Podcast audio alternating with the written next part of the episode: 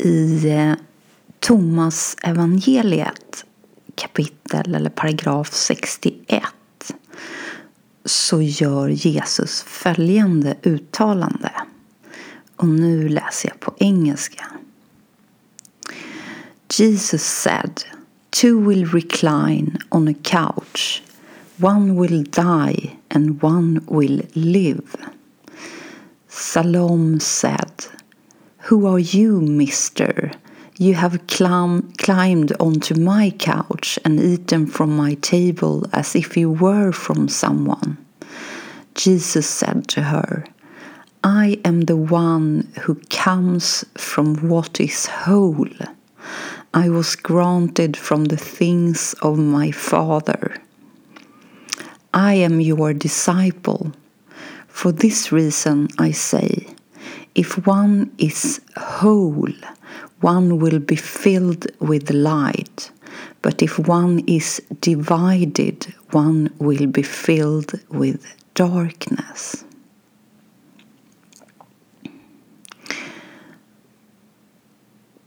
Så I början säger Jesus att två stycken kommer att ligga på en soffa och den ena kommer att dö och den andra kommer att leva. Och sen när han får lite frågor om vem han är och vart han kommer ifrån så säger han Jag är den som kommer från What is whole? Alltså från det som är helt. I was granted from the things of my father. Så det som tillhör Fadern tillhör också honom. Och sen säger den som lyssnar då, jag är din lärjunge. Och då säger Jesus, därför säger jag, om någon är hel så kommer denna någon att fyllas med ljus. Men om någon istället är divided, alltså splittrad eller uppdelad så kommer vi istället att fyllas med mörker.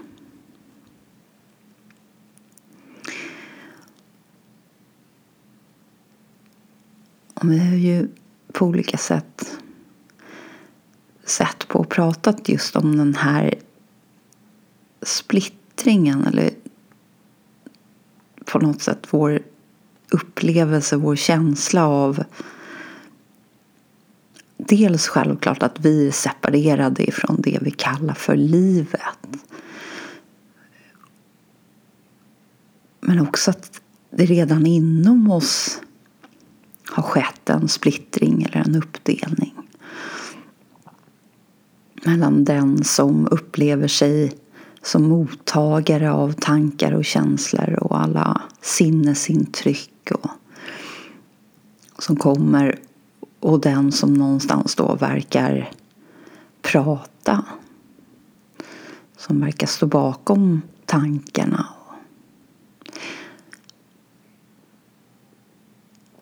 Och sen även uppsplittring på nivån att vi både upplever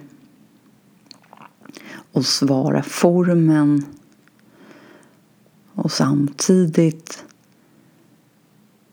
så refererar vi till formen som min kropp. Min hand, min fot, mitt huvud. Det är ändå någon slags distans mellan det vi upplever oss vara eller det vi refererar till som ett jag och också formen. Trots att vi upplever att vi inte riktigt kan frigöra oss och frikoppla oss från formen så finns det någonstans redan i språket en distansering mellan det vi refererar till som jag och vår form.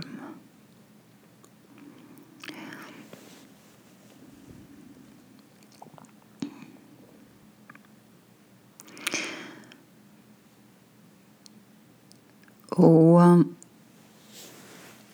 även i Khalil Gibrans bok Profeten så är profeten lite inne på det här. Eh, bland annat när han ska svara på, eller tala lite grann om gott och ont.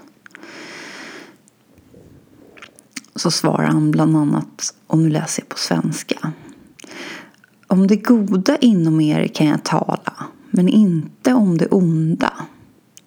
Ty vad är det onda annat än det goda som plågas av sin egen hunger och törst?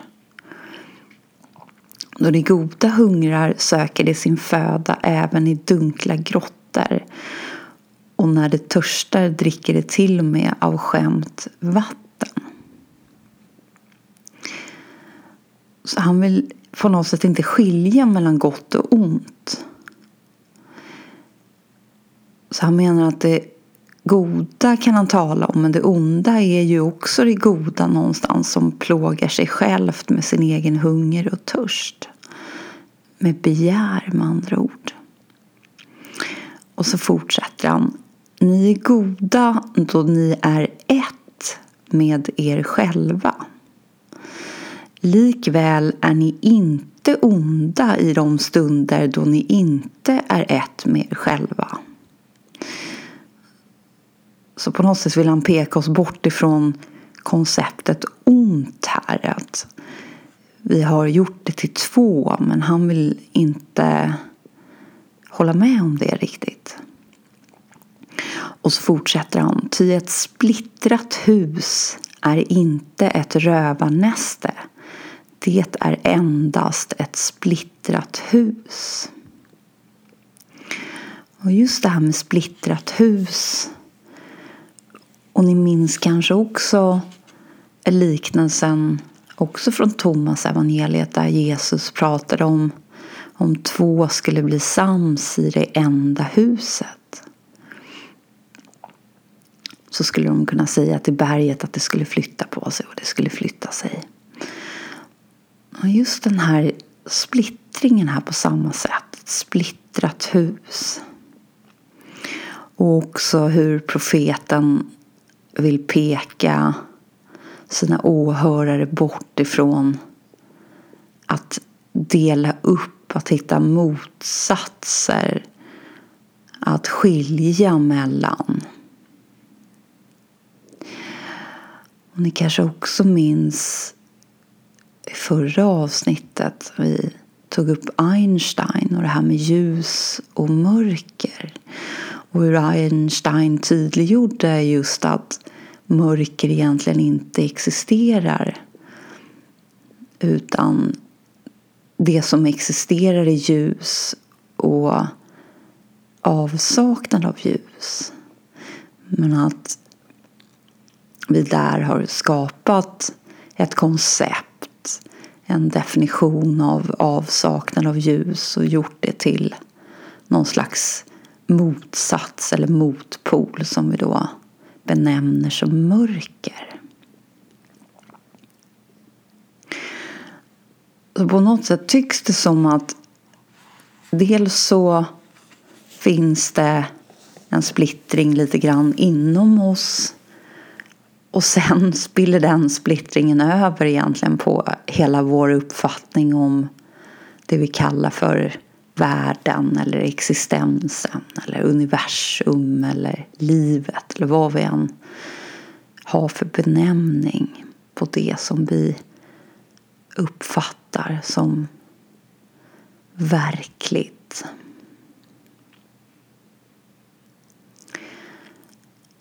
Och um, som vi har varit inne på också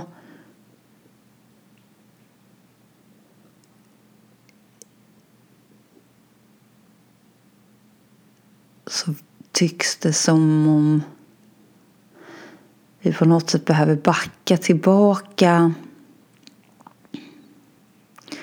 hemåt, inåt för att söka och finna det hela som är där.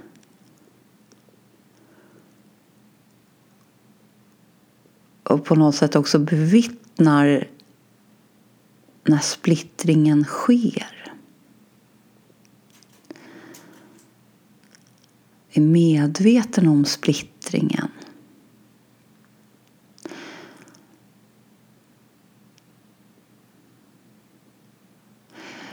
Och Gadata Maharaj såg lite grann splittringen och splittringsögonblicket när vi träder ut ur svängdörren och identifierar det hela med någonting. Och det första är ju egentligen en tanke som handlar om ett jag. Så innan formen kommer in i bilden så identifierade Maharaj också känslan av ett jag i känslan av existens. Och det jaget menade han uppstår i en tanke just därför att när vi riktar vår uppmärksamhet hem, när vi vilar i vårt varande så fejdar även känslan av jag ut där.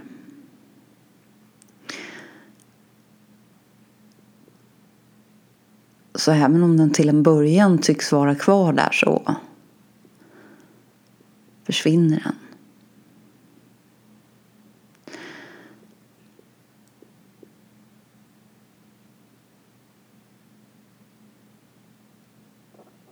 Och finns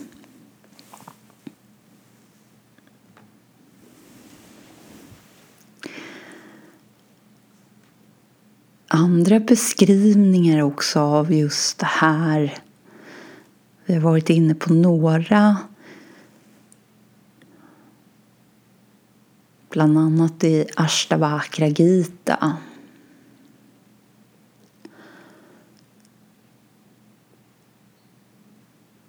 Och det finns en annan hinduisk skrift som slutar på Gita men den heter Bhagavad Gita istället. Ehm. Och i den så omnämns också någon som också heter Ashtavakra och man tror att det rör sig om samma karaktär. Bhagavad Gita handlar då om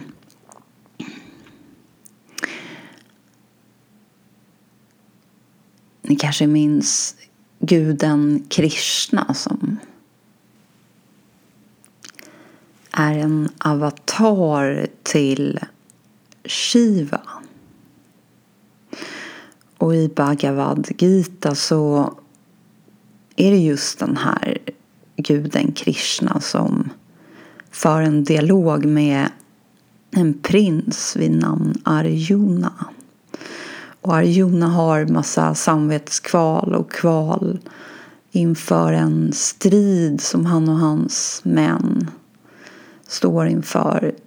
Just därför att på motståndarsidan så finns det flera av hans kusiner och släktingar med. Och han både känner dem och vet att de har familjer med fruar och barn.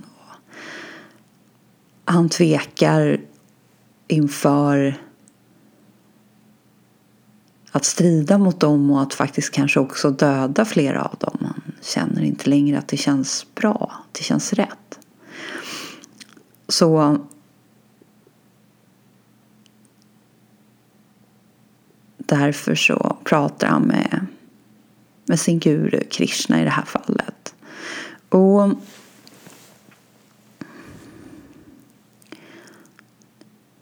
just den här skriften är väldigt älskad och omtyckt och anses väldigt viktig just för många som vi då skulle benämna som hinduer. Eh, och bland annat så talar Krishna om för Arjuna lite grann om vad vi egentligen är för någonting. Att vi inte är den här formen och att ingen kan dö. Och någonstans den här rollkaraktären, det här ödet som jag varit inne på, att vi inte riktigt kan springa bort från det heller. Utan det är någonting som har pågått och ska pågå. Men vi behöver hitta vår rätta position och inse vad vi egentligen är för någonting. Så att vi kan vila där och inte behöver uppleva den här splittringen och indirekt därmed också vara någon som kommer och går.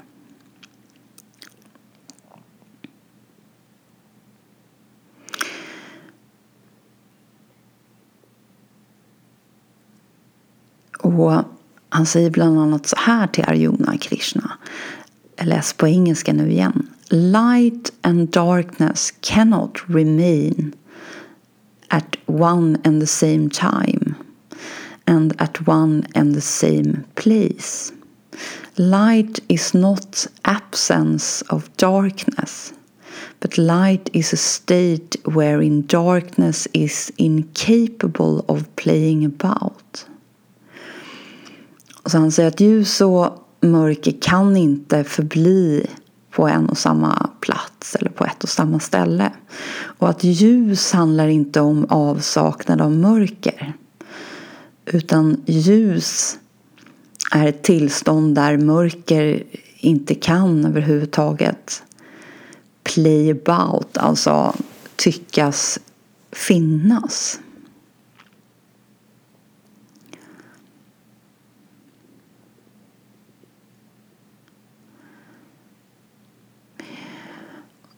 Och sen fortsätter han. The state of desirelessness is not a condition arrived at by omission. Så att nå ett tillstånd av fullständigt, att vara fullständigt fri från begär är inte någonting som vi kan uppnå utan It is a state that is achieved by the positive experience of the master when he awakens onto the larger dimension of the pure self. Så istället för att se att, att befria sig från begär eller att vara fri från begär som någonting som vi ska uppnå så behöver vi inse att det är någonting som vi behöver vakna till. Vi behöver vakna till en larger dimension of the pure self. Vi behöver vakna till en högre dimension där vårt rena högre jag vilar.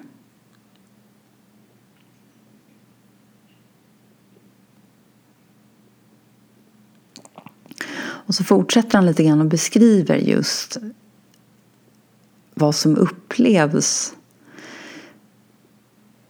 i det här icke-tillståndet egentligen, men i det här riktiga självet eller det som är bortom den här splittringen. He is at peace with himself, calm and serene and no happenings around him can ever gate crash into his realm to agitate him there in his kingdom divine. Han använder lite samma uttryck även som Jesus gjorde. Det här är också en väldigt gammal skrift. Så här har vi någon som är fullständigt i frid med sig själv. Naturally he will be observed by us as equal both in facing misery and in meeting happiness. Utifrån sett så kommer den här fortfarande upplevas som någon som vi andra. Men med den stora skillnaden att oavsett om han eller hon står inför att möta någonting som vi då skulle vilja eh, betrakta som bra eller dåligt eller gott eller ont så kommer inte det att påverka den här människan. Därför att the man of realization no more reacts with the world of challenges. Och ni minns kanske Jesus som så son of man och han säger man of realization. Eh, kommer inte längre att reagera på världen eller på, på challenges, alltså utmaningar eller prövningar. He has no ego to react with. Han har inte längre ett ego som gör att han kan reagera. Och sen Man of perfection knows only how to act spontaneously. He never reacts. Så nu kallas han då för man of perfection. Han känner endast till, han vet endast hur man kan eller hur han kan agera spontant. Han reagerar aldrig. Och det han pekar in mot här också är ju för att en reaktion ska kunna uppstå egentligen så behöver det finnas någon form av historia där. Det behöver finnas någon form av koppling till en identifiering och också till ett eller flera minnen som är kopplat till den identifieringen. Just det här att reagera istället för att respondera. Att agera spontant handlar ju om att i varje stund respondera eller svara an på det som är. Men att reagera, där i en reaktion så finns det också en känsla av någon som på något sätt upplever sig som separerad ifrån det som händer, det som sker. Och en känsla också av det här med personligt, att det som sker händer på något sätt för eller emot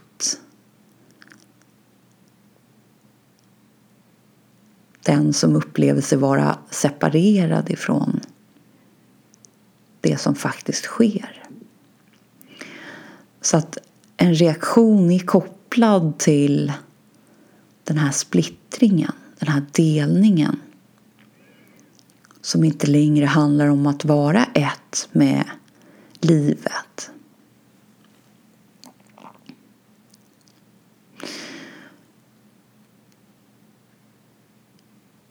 Och sen just då den här man of perfection som bara känner till hur man agerar spontant och aldrig reagerar. This is the secret of his unshakable balance under all conditions.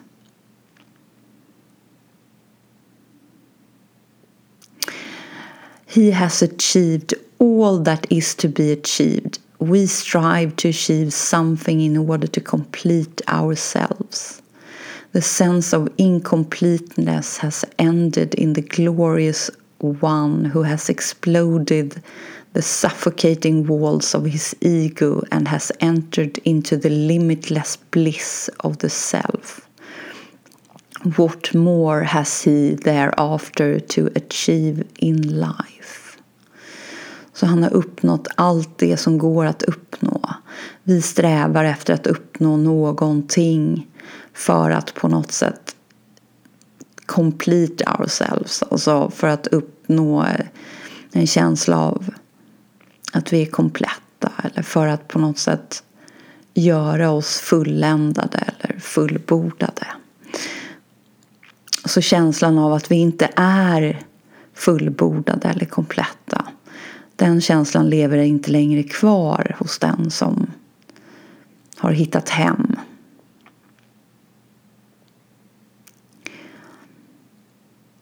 Och han har då exploded the suffocating walls of his ego. Så han har ju på något sätt sprängt det här egot i bitar.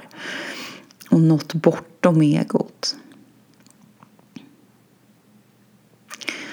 Och he has entered into the limitless bliss of the self.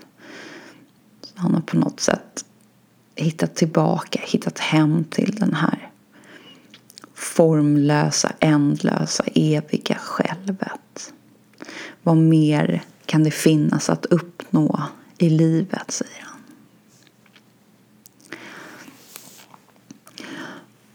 Och det här till en början just också man läser en så här vacker diktad gammal skrift så är det ju ofrånkomligt att till en början inte uppleva en enorm distans mellan sig själv och, och det som står där.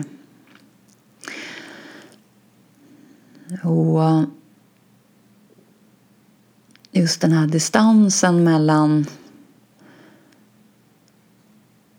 det vi upplever oss vara och kanske också det vi någonstans känner som vår djupaste längtan eller brinnande längtan eller nästan ett begär bortom begären på något sätt. Någonting som vi nästan är villiga att ställa allt annat mot. Att verkligen få komma hem på riktigt och få ett slut på jagandet eller att försöka sträva efter att uppnå mer eller ytterligare och försöka bli någon.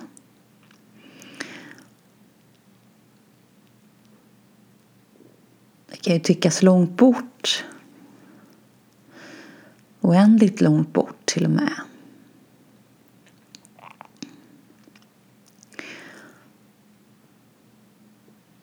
Och även för dem som identifierar sig i någon form av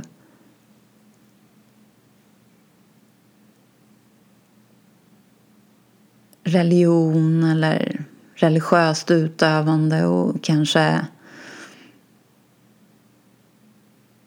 tillber Gud som de har en konceptuell uppfattning om vem eller vad Gud är för någonting. Då kan också den här distansen upplevas som oändlig.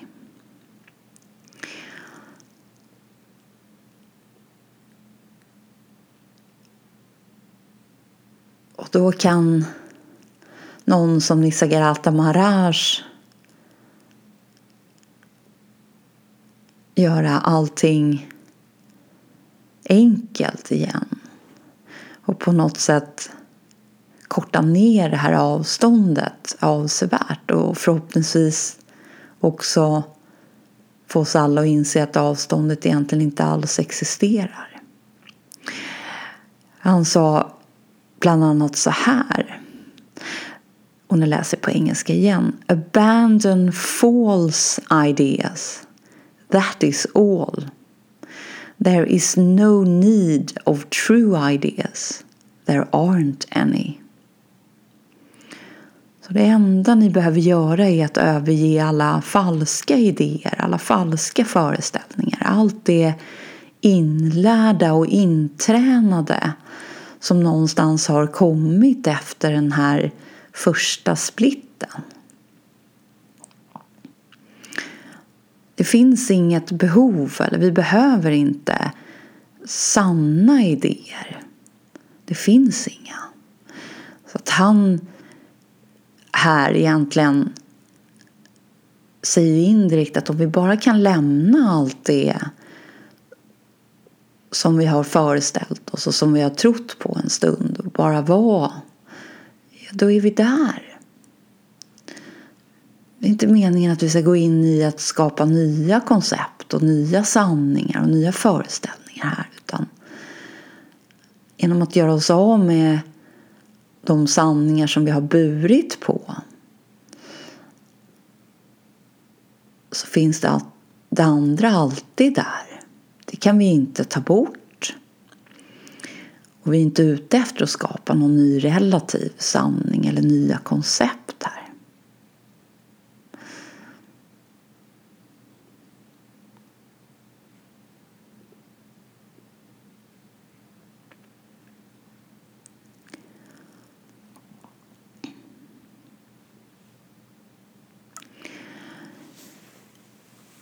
Och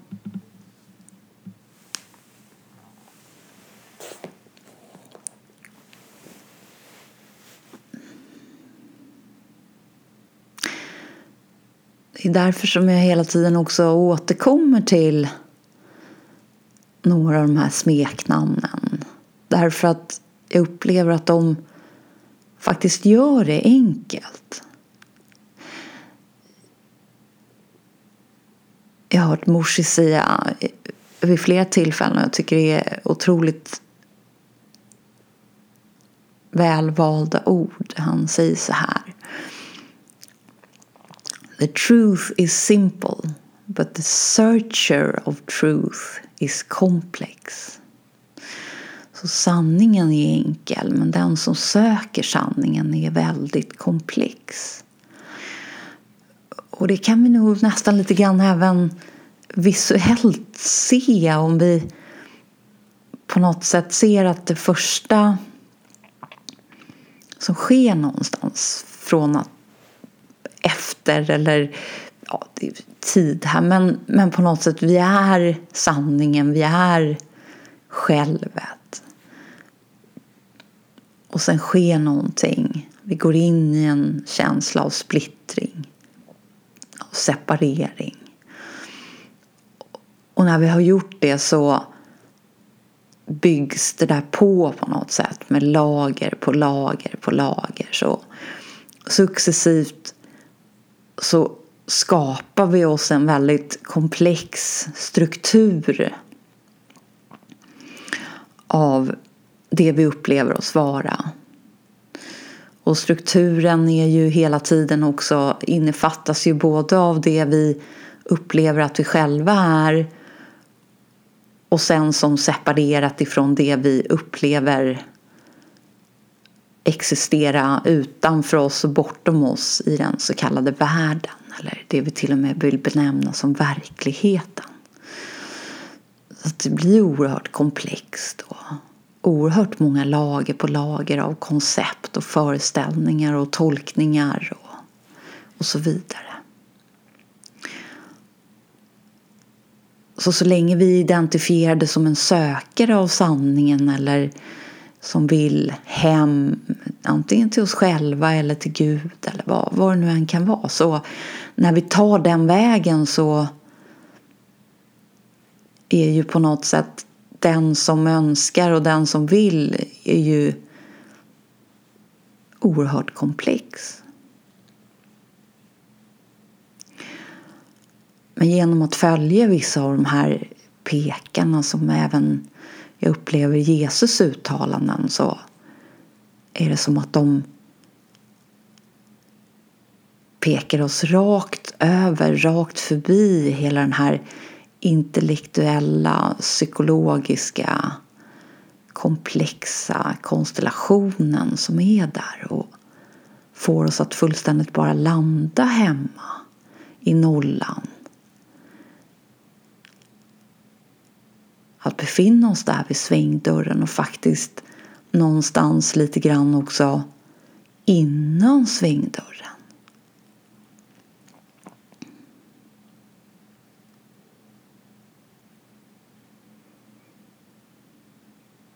Och ni minns kanske även Krishnamurti i hans lite grann både, både hans eh, starttal och hans sluttal lite samtidigt när han skulle introduceras och samtidigt sa tack och hej. Just det här att han inte såg att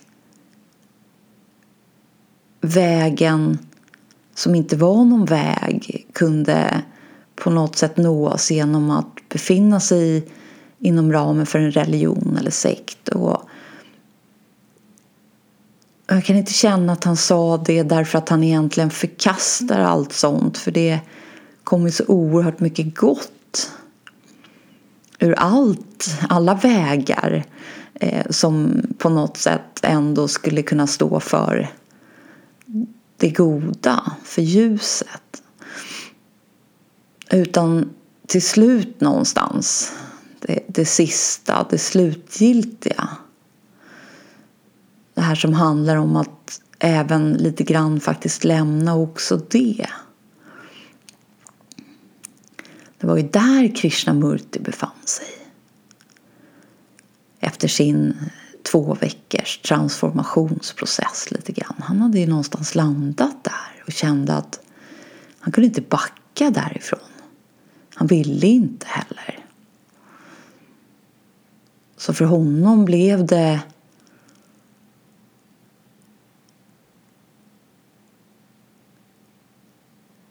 ett ultimatum. För honom blev det definitivt att han inte kunde gå tillbaka.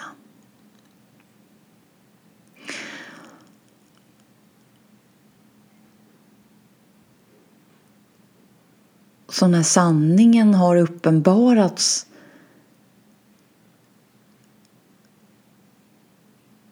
och det har blivit oerhört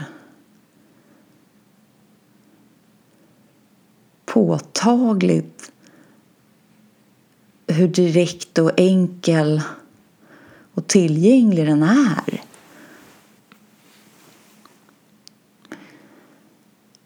Ja, då känns ju allt som omvägar eller till och med lite grann återvändsgränder.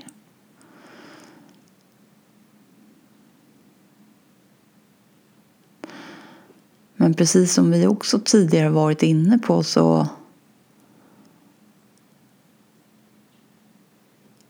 vet vi egentligen ingenting. Ni minns Sai Bahabas liknelsebild med stenblocket som man stod och hamrade och hackade på och det hände ingenting och sen plötsligt så bara sprack det sönder.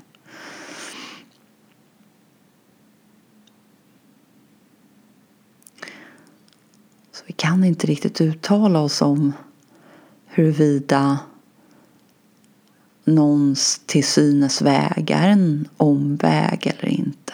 Utan det vi ser och det vi tycker är det enda vi kan veta är att det är inte sant. och, och profeten tydliggör också det här lite grann eh, genom att säga så här. Den som längtar mycket ska inte säga till den som längtar mindre. Varför är du så långsam och dröjande? Ty den som verkligen är god frågar inte den nakne Var är dina kläder? Eller den hemlöse Vad har hänt med ditt hus?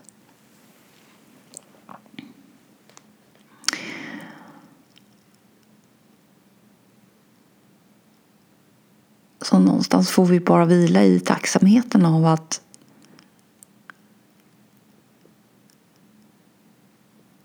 den här enkla, direkta icke-vägen, de här pekarna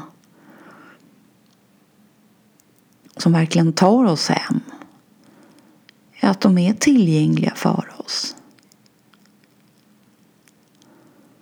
Att det tycks som om vi i det här fallet kan få vara lite snabba.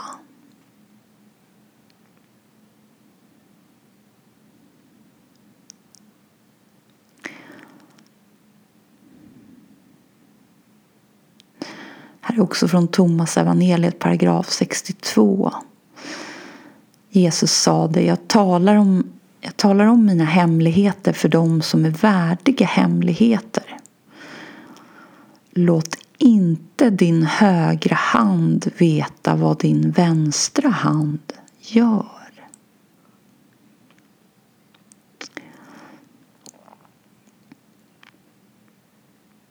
Och det sista här handlar verkligen om den här splitten, den här delningen. Vi måste komma runt den för att landa hemma. Vi kan inte involvera den, vi kan inte ta den med oss. Så när de här hemligheterna blir tillgängliga för oss, ja då då måste vi ta chansen direkt. Utan att värdera, utan att resonera inom oss.